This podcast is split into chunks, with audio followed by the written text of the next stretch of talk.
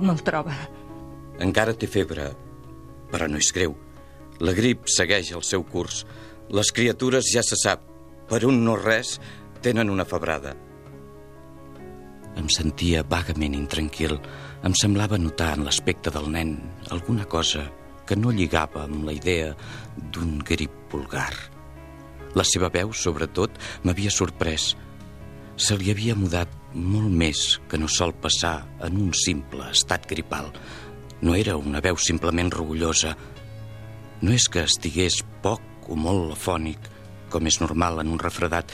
Era una veu estranya, que jo no sabia a què atribuir donats els meus escassos coneixements de medicina.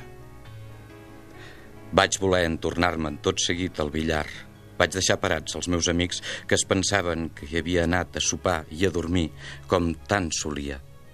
Volia parlar de seguida amb el metge.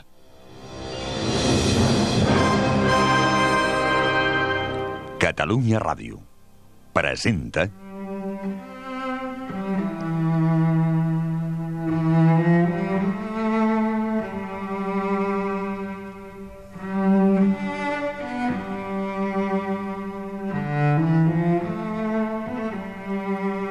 Incerta Glòria, de Joan Sales, en una adaptació lliure per la ràdio d'Oleguer Sarsenedes. Muntatge Ramon Albero. Direcció Juan Germán Schroeder.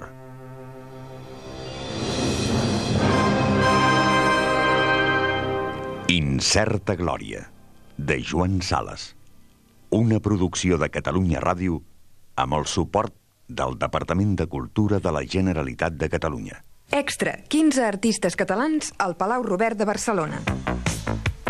Sergi Aguilar, Jordi Benito, Josep Manuel Broto, Tom Carr, Pep Duran Esteve, Gabriel, Francesc Llopis, Víctor Mira, Pere Noguera, Carles Pazos, Pere Jaume, Jaume Plensa, Riera i Aragó, Susanna Solano i Josep Uclés. Extra, 15 propostes artístiques d'intervenció en un espai.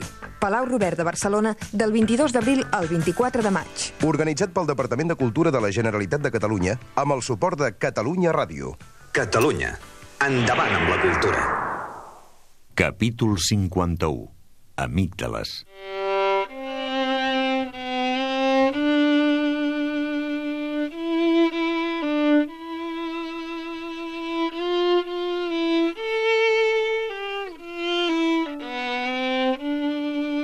Ja des de l'entrada de la farmaciola vaig sentir. El doctor Puig havia desenterrat el seu vell violí l'endemà mateix de la marxa de la seva dona, que, pel que es veu, no el podia sofrir ni veure. Tocava durant hores i hores en la solitud d'aquell soterrani, assegut en una butaca rebentada que havien trobat, ja no sé en quines golfes, i que havien instal·lat al costat de l'estufa de llenya. A l'abast de la mà, en una tauleta a l'altre costat de l'estufa, tenia sempre una ampolla de fundador.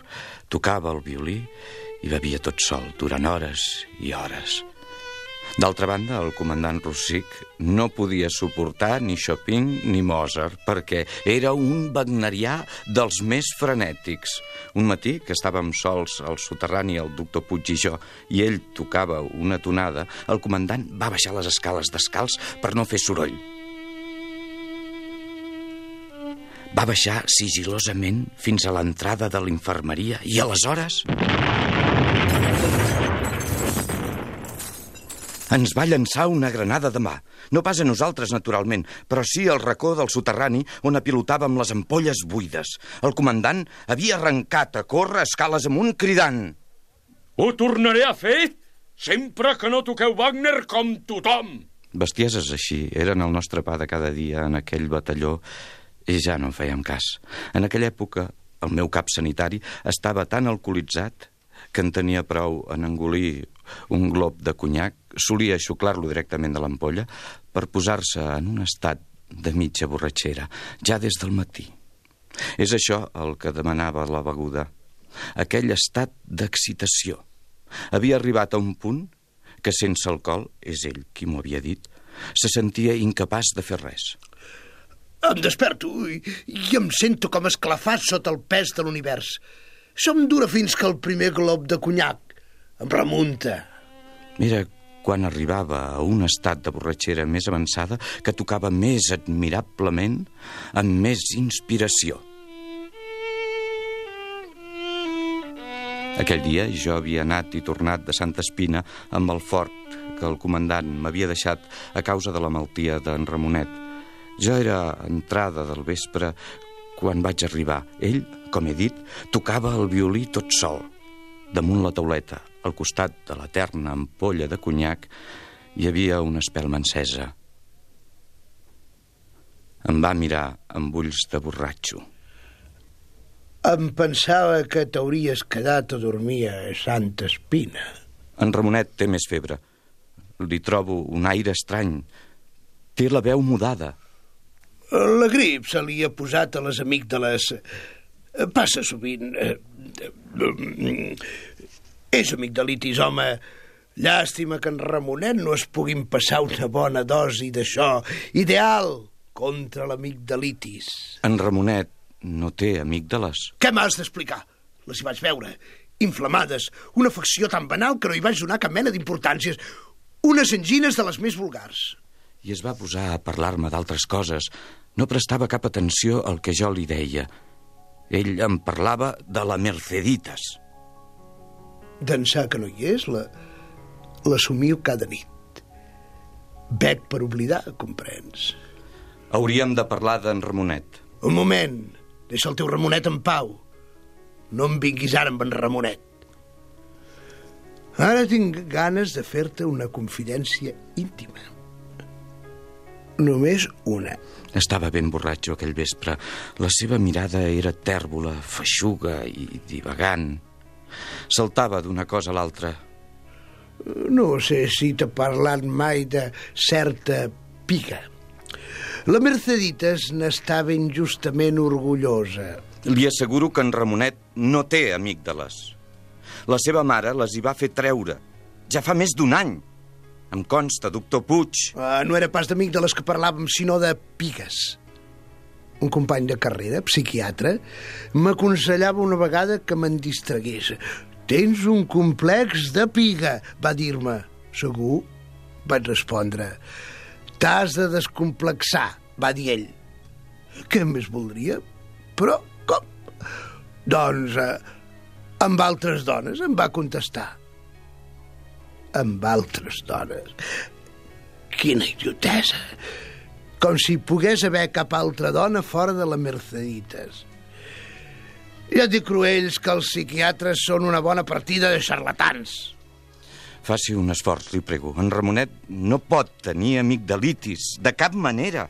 Des del moment que no té amígdales. No té amígdales seria una monstruositat. Tots els nens neixen amb amígdales, com els toros. Els toros també hi neixen. Per això diem en aquesta brigada per dir que algú és formidable que té unes amígdales, que, com un toro.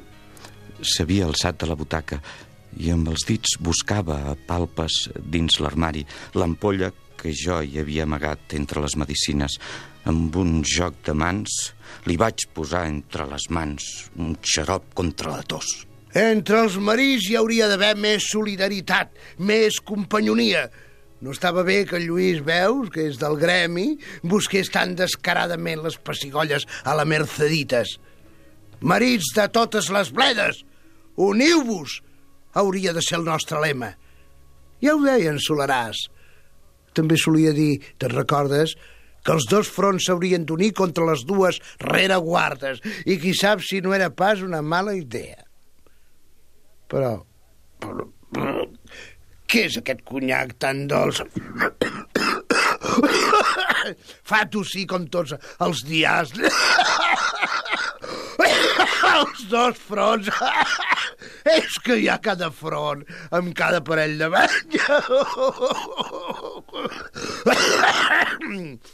Què li passa a aquest fundador? Abans era un conyac feixista com una casa i ara venen ganes d'escopir-lo. És que es pot haver passat el rengle republicans? De sobte es va deturar de dir bestieses. Es va quedar callat, mirant-me, com si bruscament comencés a comprendre la situació. Em deies alguna cosa d'en Ramonet? No té amígdales, per la senzilla raó que les hi van extirpar ja fa més d'un any.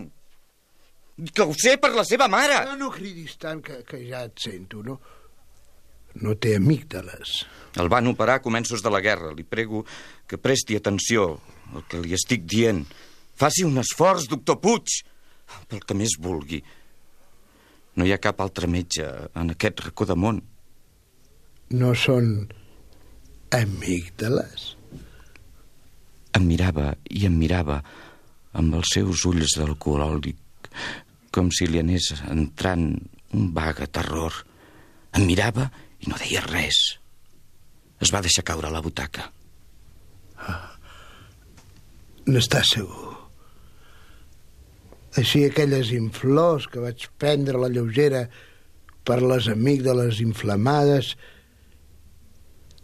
Diftèria. Diftèria? Impossible. No hi ha cap criatura en no sé quantes llegües a la rodona. Com s'ho podia encomanar? La vaca.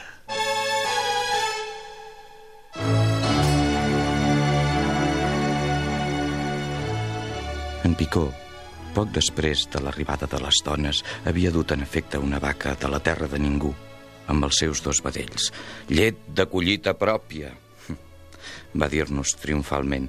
Gràcies a la vaca, dones i criatures tindrien llet fresca en abundància durant la seva estada entre nosaltres. Aquest diastre de Picó, amb la seva mania de la llet de vaca. Ara ja no queda cap dubte. Aquella vaca estava atacada de diftèria. Recordes que bavejava i, i que semblava com si respirés amb dificultat? La diftèria és gravíssima. Ho era. Avui al sèrum. És una malaltia vençuda per la ciència. La diftèria és un record històric, Cruells. Eh, que aquella vaca era diftèrica em sembla ara fora de dubte. Eh, per desgràcia no hi vaig prestar prou atenció. No, no podem estar en tot, veuràs. Eh, I al capdavall la vaca es va morir i, i es van portar el seu secret a la tomba. Però està segur que el nen... Ara sí, sense cap dubte. Les falses membranes diftèriques és una cosa molt sabuda.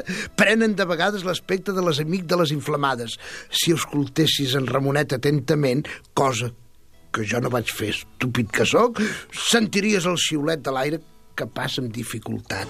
Els seus ulls tèrbols em miraven de biaix, amb una mena d'astúcia, i jo notava que feia un gran esforç per coordinar les idees. Abans del sèrum, saps? Les falses membranes acabaven per obstruir les vies respiratòries. Els nens morien d'asfíxia.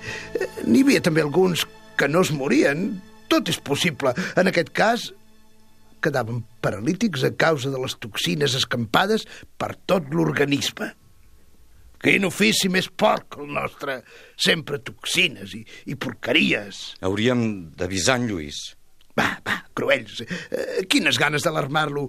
Avui la diftèria no és res, eh? menys que una grip. Hi ha el sèrum, som al segle de la ciència. Te n'aniràs tot seguit cap a Barcelona amb el fort.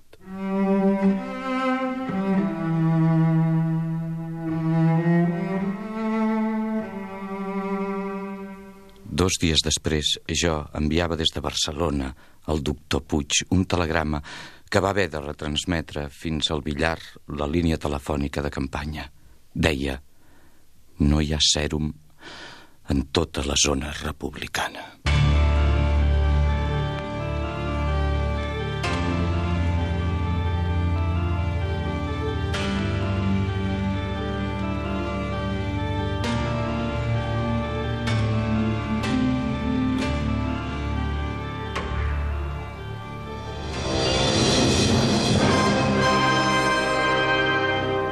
Heu escoltat el capítol 51 d'Incerta Glòria, de Joan Sales, amb les veus de...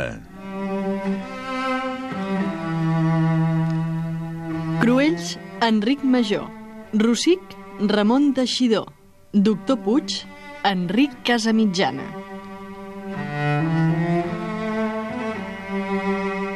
Incerta Glòria, de Joan Sales, una producció de Catalunya Ràdio. amb el suport del Departament de Cultura de la Generalitat de Catalunya. Extra, 15 artistes catalans al Palau Robert de Barcelona. Sergi Aguilar, Jordi Benito, Josep Manuel Broto, Tom Carr, Pep Duran Esteve, Gabriel, Francesc Llopis, Víctor Mira, Pere Noguera, Carles Pazos, Pere Jaume, Jaume Plensa, Riera i Aragó, Susanna Solano i Josep Uclés. Extra, 15 propostes artístiques d'intervenció en un espai. Palau Robert de Barcelona, del 22 d'abril al 24 de maig. Organitzat pel Departament de Cultura de la Generalitat de Catalunya amb el suport de Catalunya Ràdio. Catalunya. Endavant amb la cultura.